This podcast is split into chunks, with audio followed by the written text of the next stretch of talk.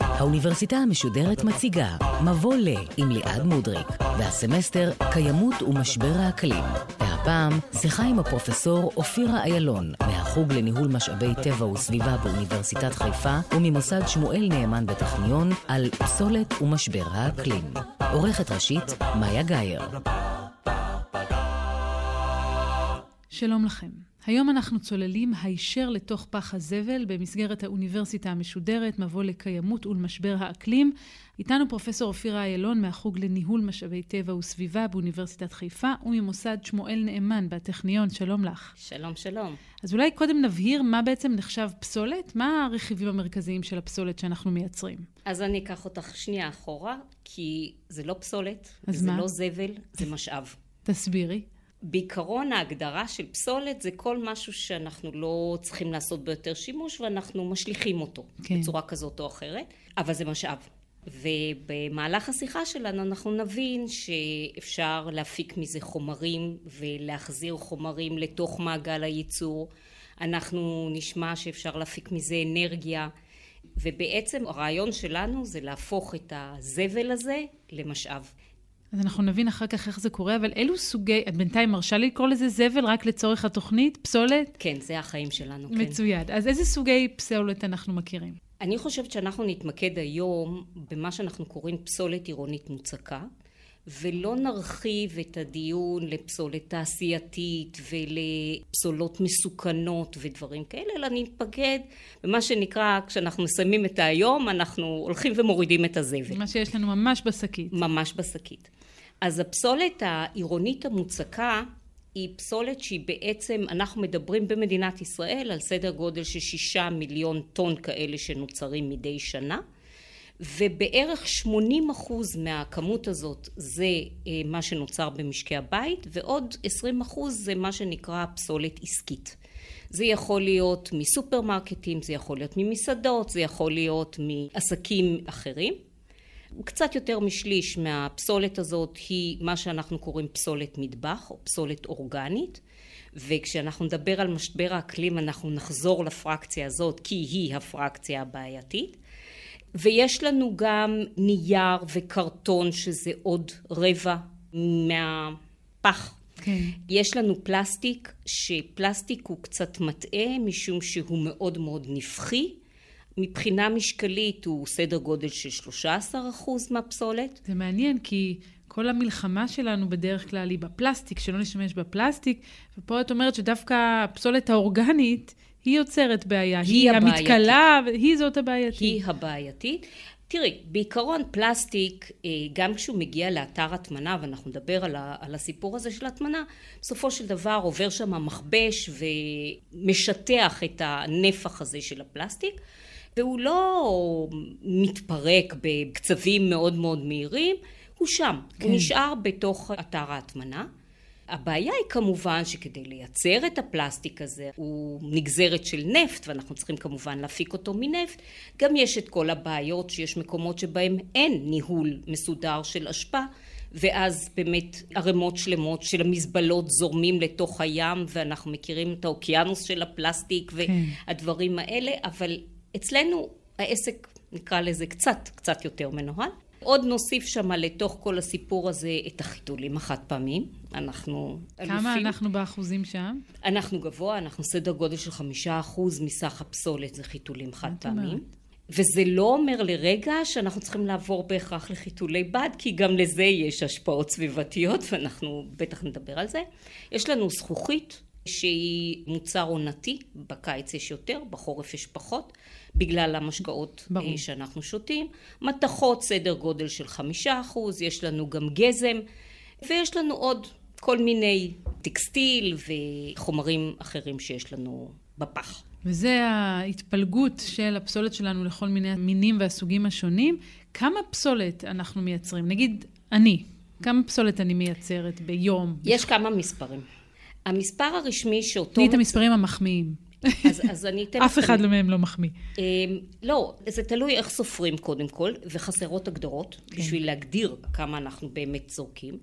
אם לוקחים את סך הפסולת שנוצרת במדינת ישראל ומחלקים אותה לסך התושבים, אז זה 1.8 קילו לנפש ליום. אבל המספר הזה הוא לא נכון, הוא מספר מטעה. וזה המספר אגב שהמשרד להגנת סביבה משתמש בו. תסבירי.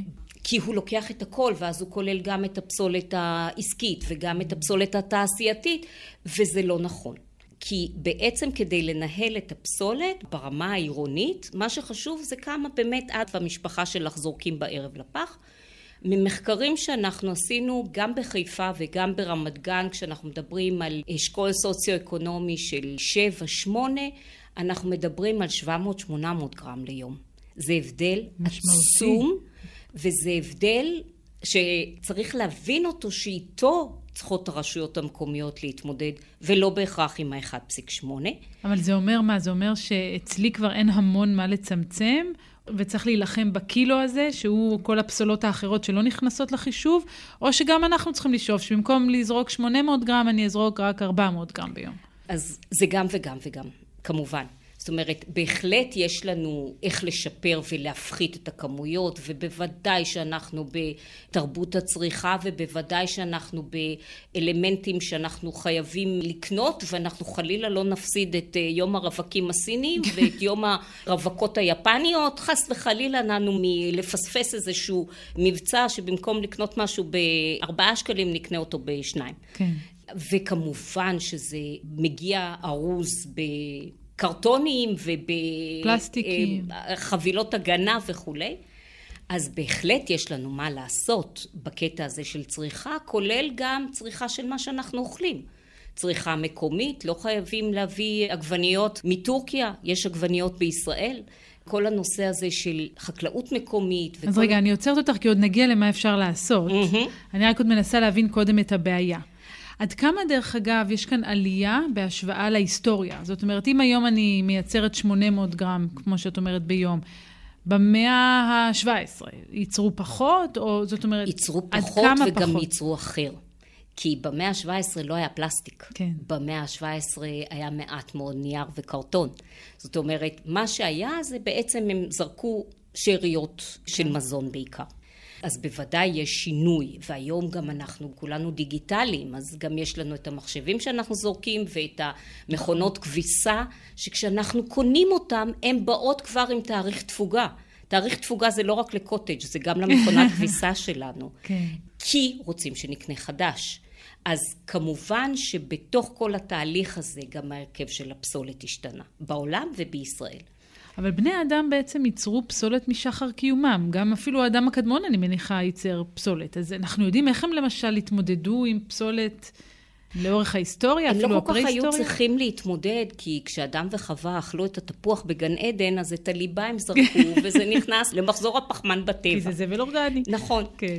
אגב, המילה הזאת שאמרת זבל אורגני היא מאוד מאוד בעייתית, משום שאנשים עד היום מתייחסים לקליפת התפוז ולליבת התפוח. בתור משהו שאפשר לזרוק. שאפשר לזרוק, וזה בדיוק מה שמביא את החזירים לבוא לאכול בחיפה, וזה בדיוק מה שפוגע במארג ביולוגי כשאנחנו זורקים את זה בלב המדבר וחושבים שזה ביולוגי ומתפרק. אז רגע, בואי נאמר את זה בצורה ברורה. מאזינים יקרים, לא משליכים זבל אורגני בשום מקום. קחו איתכם שקית, אם אפשר שתהיה שקית נייר כבר, נלך עד לא, הסוף. לא, לא, לא, אנחנו... שקית תכף... פלסטיק עדיף? בסוף זה יהיה שקית פלסטיק. בסדר, לא שקית ניילון. לא ניילון זה מותג, אבל פלסטיק. קחו כן. שקית פלסטיק, נכון. זירקו לתוכה את כל הזבל האורגני שלכם, אל תשאירו בשטח אל תשליכו.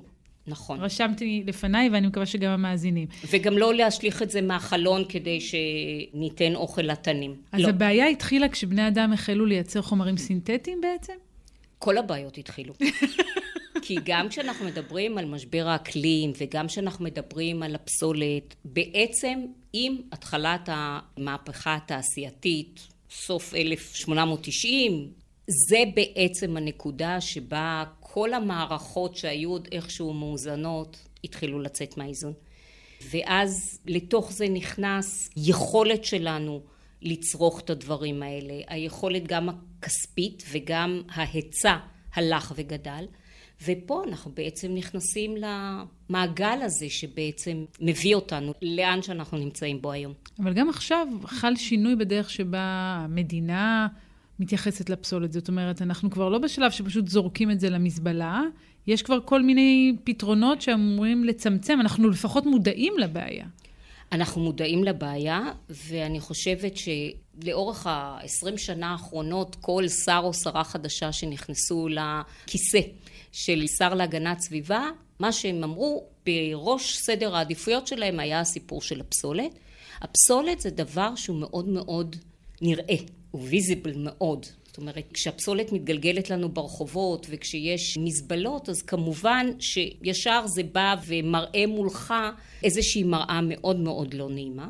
מדינת ישראל כן עשתה מהפך גדול בראשית שנות התשעים שבעצם היא הפסיקה את האפשרות להשתמש במזבלה ודרשה שאתר סילוק פסולת יהיה אתר סילוק פסולת מסודר, מוסדר, עם תשתיות, גם לאיסוף של תשטיפים וגם לאיסוף של פליטות של המתאן שנוצר בתוך התהליכים האלה. כן.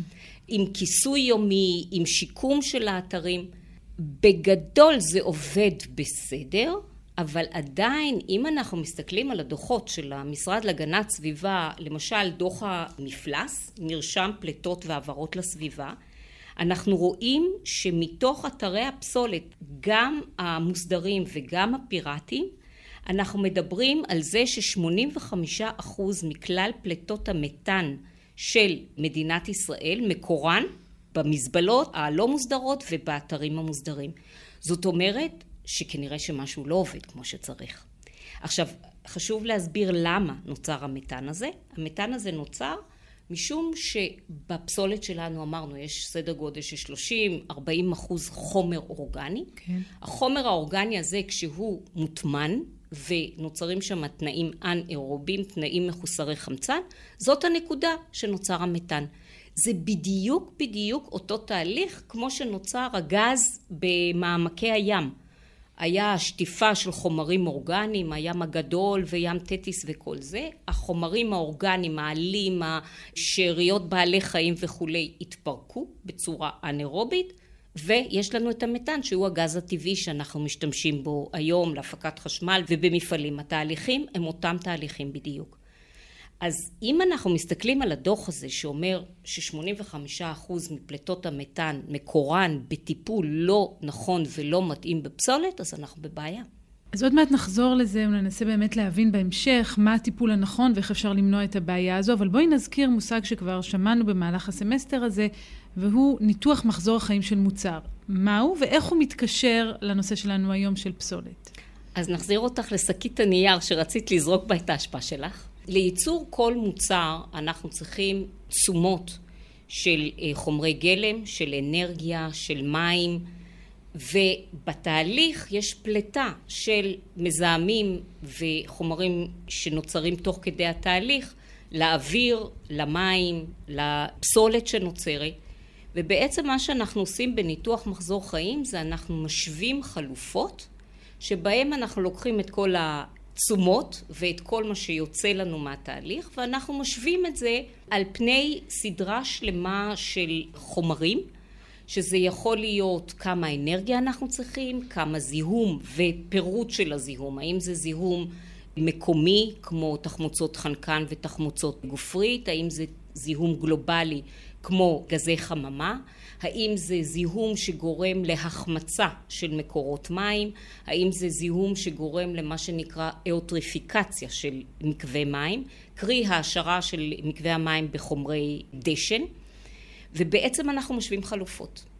ואז אם אנחנו לוקחים ומשווים חלופה של נייר, שקית נייר ששוקלת נגיד 150 גרם, לשקית פלסטיק ששוקלת עשרה גרם, ולוקחים פנימה את כל התשומות שהיה צריך כדי לייצר את השקית הזאת, וגם מה אפשר לעשות עם השקית הזאת בהמשך. כי עם שקית הנייר אנחנו לא נוכל לעשות כלום אחר כך. עם שקית הפלסטיק אנחנו נוכל לשים אותה בכיור במשולש, כן. נוכל לארוז איתה בגדים, נוכל לקחת אותה אוכל לעבודה. זאת אומרת, יש לה מה שאנחנו קוראים לזה second life. אז אנחנו כן נוכל לעשות בזה שימוש. תשמעי, את מבלבלת אותי לגמרי. אז עכשיו את אומרת ששקיות הפלסטיק, כל הרפורמה שאנחנו הולכים לסופר, לא להשתמש בשקיות פלסטיק, זה עדיף? התשובה היא כמובן, עדיף כמה שפחות. אבל בהתייחס ספציפית לסיפור הזה של המס של עשר אגורות על שקיות הגופייה, לטעמי, אנחנו פה באפקט ריבאונד.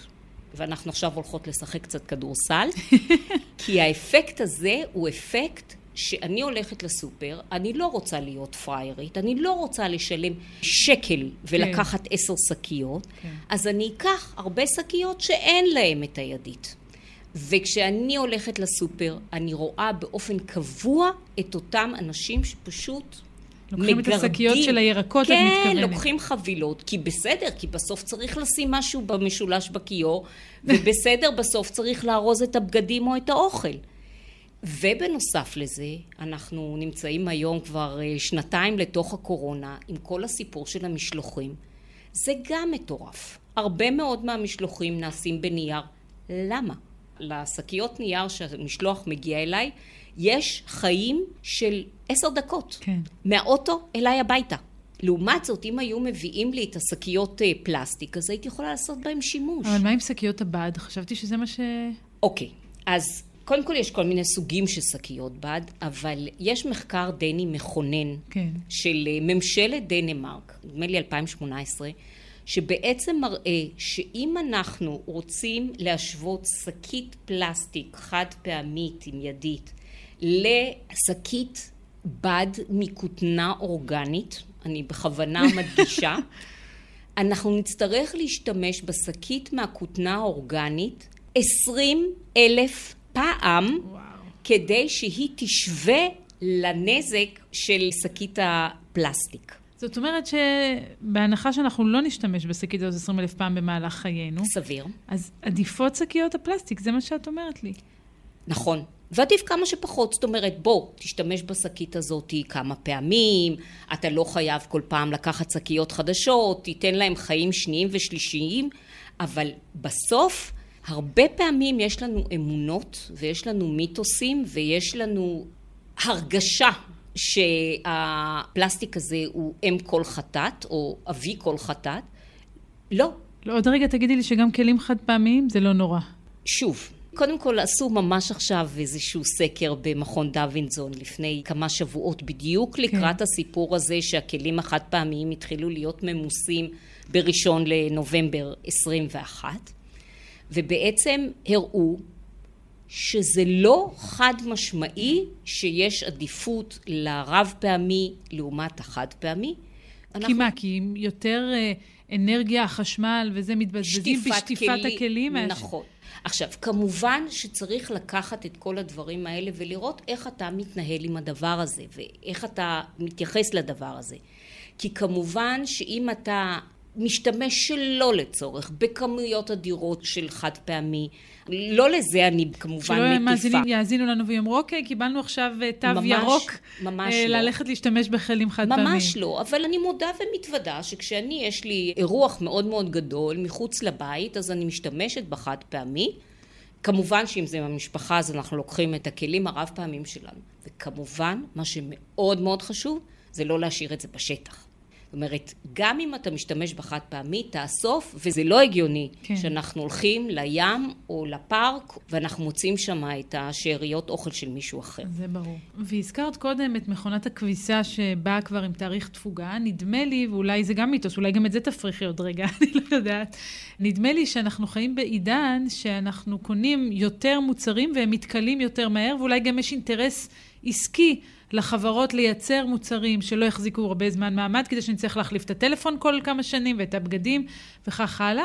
זה חלק מהבעיה שאנחנו מתמודדים איתה, לא? חד משמעית. באירופה כבר טיפלו בזה. זאת אומרת, באירופה הבינו שיש את הקטע הזה של תאריך תפוגה למכונות כביסה, והם מוסרים את זה היום. כי הם הבינו שעובדים עלינו. אבל מה, יכולים להגיד עכשיו לחברת ייצור טלפון, שלא נאמר את שמה, לא להוציא טלפון משוכלל עם עוד איזה פסיק כל שנתיים. אתה צריך להוכיח שאין לך את ה... היה מישן אימפוסיבל, כן. הקלטת הייתה... משמידה את עצמה? משמידה את עצמה, לא. אז הם צריכים להוכיח שאין להם את הצ'יפ הזה שמכלה את המוצרים, וזה ברגולציה. אבל עדיין יכולים לייצר מוצר מתקדם קצת יותר, לנצל את הצורך שלנו שתמיד יהיה לנו את המוצר הכי עדכני, ולגרום לנו להשליך עוד ועוד מוצרים, או שוב, לייצר בגדים באיכות כזו שאחרי שני חורפים כבר אין מה ללבוש. לשמחתנו, יש פה תהליכים עולמיים שכוללים למשל נושאים של אה, להפוך מוצר לשירות. זאת אומרת, אני כבר לא קונה מכונת כביסה, אלא אני קונה מה שנקרא נגלה נקייה. ואז אני מכבסת את זה באיזושהי מכונת כביסה ששם כבר יש אינטרס שהמכונת כביסה הזאת תעבוד הרבה זמן ומוכרים לי את השירות של כביסה נקייה. כל הסיפור הזה של נסיעות שיתופיות, מכוניות שיתופיות, גם זה איזשהו אלמנט שאתה מוכר שירות ולא מוכר את המכונית עצמה. אז יש פה אה, תהליכים עולמיים בקטע הזה, וכן, בסוף התאגידים רוצים להרוויח כסף והרבה. אז בואי נדבר באמת על הדרכים שבהן אנחנו יכולים להתמודד עם המצב הזה. מהן דרכי ההתמודדות עם פסולת, ואולי אפילו ננסה לסדר אותן לפי מידת האפקטיביות שלהן. אז המקובל זה שיש לנו היררכיה. אני מאוד לא אוהבת את המילה הזאת. ההיררכיה הזאת של הטיפול בפסולת, ששוב, אני מסייגת כי היא מקובלת, אבל היא לא בהכרח מתאימה לכל מקום, לכל מדינה, לכל יישוב. מדברת על מניעה במקור, מדברת על שימוש חוזר, ואחרי זה, כשכבר יש לנו את הפסולת, אז אנחנו מדברים על מחזור, על השבת אנרגיה ועל הטמנה. כאשר בהיררכיה הזאת מחזור לכאורה עדיף יותר מהשבת אנרגיה, עדיף לכאורה על פני הטמנה. אז בואי נעבור אחת-אחת וננסה להבין יחד מהם היתרונות והחסרונות. הפחתה במקור. הפחתה במקור זה בדיוק מה שאנחנו לרכוש דיברנו. לרכוש פחות. לרכוש פחות, לכוון את הרכישות שלך לפי באמת מה שאתה צריך ולא במבצע של אחד פלוס אחד. זה בהחלט תמיד תמיד בכל הנושאים הסביבתיים הנושא של צמצום במקור או פתרון של בעיות במקור הוא הפתרון הטוב ביותר, הזול ביותר, הנכון ביותר, הסביבתי ביותר. כן, והזכרת קודם את הפסולת האורגנית שהיא תורמת משמעותית מאוד לבעיה.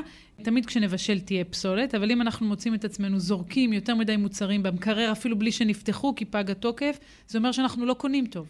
אנחנו יכולות לפתוח את הנושא הזה של פגות התוקף, אבל בהחלט אנחנו יכולים לתכנן את הקניות שלנו, לעשות רשימה, לדעת בדיוק מה יש לנו במזווה, ועם זה ללכת לעשות קניות. אז בואי נעבור לשימוש חוזר. שימוש חוזר, אני חייבת לספר שמעין שאני באה, מבנימינה, יש לנו קבוצה קטנה שנקראת למסירה. אין מוצר שאין לו חיים שניים ושלישיים בקבוצה הזאת. אין כזה דבר. זה יכול להיות נעליים של ילדים, אפילו נעליים משומשות, זה יכול להיות צעצועים. אני, כל הצעצועים של נכדיי הם מיד כאילו בלמסירה. כן. ואני לא חושבת שזה פוגע כהוא זה בהתפתחותם של הנכדים שלי, והם מאוד מאוד מרוצים מהשפע. והשפע הזה, אם לא היה לנו את הקטע הזה של שימוש חוזר, זה היה מוצא את עצמו בפח ההשפעה, ואנחנו היינו צריכים לקנות חדש. כן. ואני גם חושבת שהקורונה מאוד פיתחה את הנושא הזה של מקומי יותר, של החלפות של דברים, וזה חיובי לחלוטין. הנושא של מחזור, מחזור זה בעצם לקחת בקבוק של פלסטיק ולהפוך אותו מחדש למוצר, בין אם מוצר שהוא בקבוק חדש מפלסטיק, שזה כמובן צריך לקבל אישורים של משרד הבריאות וכולי, אם זה יבוא במגע עם מזון, אבל גם אפשר לקחת את הפלסטיק הזה ולעשות ממנו פליז. כן. או שטיח. כשאנחנו מדברים על מחזור של נייר, אז אנחנו עושים מהנייר המשרדי המשובח, אנחנו עושים נייר טואלט או קרטון. אז חשוב להגיד שהמחזור הוא לא כל הסיפור. והמחזור, אפרופו ניתוח מחזור חיים, המחזור לא נעדר השפעות סביבתיות. כי? אני תמיד נותנת את הדוגמה שכמות הנייר המשרדי המשובח שנאספה במגדלי התאומים בניו יורק בפרק זמן נתון, שזה היה נייר משרדי משובח כן. שהוא עם סיבים ארוכים הכי טוב לתעשיית המחזור של הנייר, אותה כמות הייתה נאספת בכל מדינת ישראל, שזה כולל לנסוע לאילת ולקריית שמונה ולקחת משם נייר עיתון שהוא נייר נחות, לקחת קרטון ולקחת, עכשיו בניו יורק, בתאומים, אפילו לא השקיעו אנרגיה בשביל לאסוף את זה, משום שזה היה להם פיר של הנייר, כן. והנייר היה בגרביטציה יורד למטה ונאגר, ופשוט הם היו שמים את זה ואומרים בואו תיקחו. אה, מגדל מרוב... אחד, כמו כל מדינת ישראל? בדיוק, באותו פרק זמן. וואו. מבחינת טונאז'. עכשיו, תחשבי על זה שאתה צריך עכשיו לאסוף את זה, ברור. אתה צריך למיין את זה, אתה צריך להכניס את זה למכונת הנייר, להשתמש ב... כלומר, חלק מהרעיונות האלה נשמעים אה, נאצלים ונשגבים, אבל כשהופכים אותם למעשה, הם מערבים נזק סביבתי בפני עצמם, שצריך לקחת אותו בחשבון. חד משמעית. חד משמעית, ואנחנו לא יכולים להתעלם מזה. אז נשארו לנו לא עוד הרבה פתרונות וגם לא עוד הרבה זמן, אז זה מצב טוב. אז אני אחדד לפני זה. כן. אחד, כל השיטות האלה שאנחנו מדברים עליהן עכשיו, הם לא המטרה. זאת לא המטרה למחזר. זה לא המטרה להפיק אנרגיה מהפסולת. המטרה היא לנהל את הפסולת בצורה בת קיימא ולהפוך אותה ככל האפשר למשאב. אז אני רוצה בדיוק להחזיר אותך לתחילת השיחה, כי אמרת, אנחנו חווים את הנזק כתוצאה מזה שלא מנהלים את הפסולת שלנו נכון. אז תני לי את המתכון, מה צריך לעשות כדי לנהל אותה נכון? אין טריק, מתכון. זה טריק. קודם כל, אין מתכון גנרי, וזה חשוב להגיד. המתכון שתופס לבאר שבע הוא לא בהכרח המתכון שתופס למועצה אזורית אה, רמת נגב. בכוונה אני שמה שני אזורים סמוכים שלא בהכרח הפתרונות שם צריכים להיות אותם פתרונות ואנחנו ממש צריכים לתפור את החליפה לאותו מקום ולאותו אזור גם על פי ההרכב של התושבים, גם על פי ההרכב של סוג הבנייה. אם אנחנו מדברים על לאסוף פסולת במקור, להפריד אותה במקור, יש הבדל עצום בין אם זה בניין של 20 אה, קומות ובין אם זה יישוב אה, מבוזר. כן. ובעניין הזה חשוב להגיד שכל הפתרונות ובלבד שהם נעשים בצורה הסביבתית הנאותה עם הרגולציה המחמירה, עם אכיפה ובקרה של הרגולציה, כל הפתרונות טובים. כן. וחייב להיות גם מגוון של פתרונות. אין פה סילבר בולט, אין פה רק זה או רק זה. החיים שלנו הם צריכים להיות מגוונים, זה טוב שהם מגוונים, וככה אנחנו בהחלט נוכל להגיע למצב שבו אנחנו מנהלים כמו שצריך את הפסולת. אז אם בכל זאת אבל אני מנסה לזקק מזה את ההמלצות שאני אקח איתי הביתה מהשיחה שלנו. אז קודם כל לצרוך פחות אם אני יכולה. חד משמעית. לנהל את הפסולת שלי בצורה הנכונה, שזה אומר אני באופן אישי מה, דווקא לעשות את החישוב ולא בהכרח להעדיף את שקית הבד על שקית הפלסטיק. נכון. מה עוד? מה עוד אני יכולה לעשות? תראי, את תלוי איפה את גרה, יש לך אמצעים להפריד את הפסולת שלך. כן. בחלק מהמקומות מפרידים אריזות, בחלק מהמקומות מפרידים גם בקבוקים. אגב, הסיפור של הבקבוקים הגדולים הולך לקבל טוויסט בעלילה, משום שהחל מינואר 22 בעצם יחול חוק הפיקדון גם על הבקבוקים הגדולים, כן. ואז כל ה... המערך הזה שיש לנו את המחזוריות בשטחים הציבוריים על המדרכות, בעצם כל המערך הזה ישתנה. אני לא בהכרח חושבת שזה יגביר את אחוזי המחזור במדינת ישראל, אבל זה יטיל עוד מס עלינו. להפריד פסולת? להפריד פסולת ככל שיש לך את האמצעים לעשות את זה.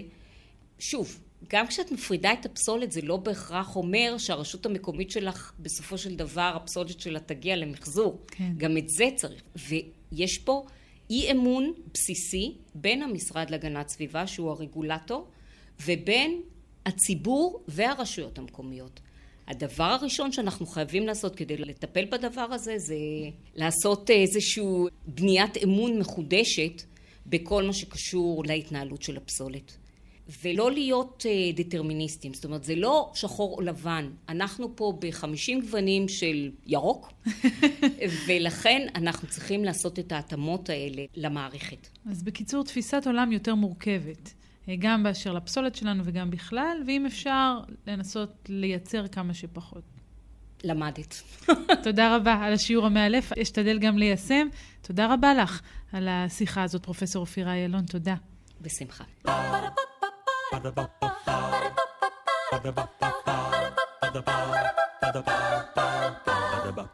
האוניברסיטה המשודרת, מבוא לקיימות ולמשבר האקלים. ליעד מודריק שוחחה עם הפרופסור אופירה איילון, מהחוג לניהול משאבי טבע וסביבה באוניברסיטת חיפה וממוסד שמואל נאמן בטכניון על פסולת ומשבר האקלים. עורכת ראשית, מאיה גאייר. עורכת ומפיקה, תמנה צורי. ביצוע טכני, דניאל שבתאי. האוניברסיטה המשודרת, בכל זמן שתרצו, באתר וביישומון גלי צה"ל ובכל מקום בו אתם מאזינים להסכתים שלכם.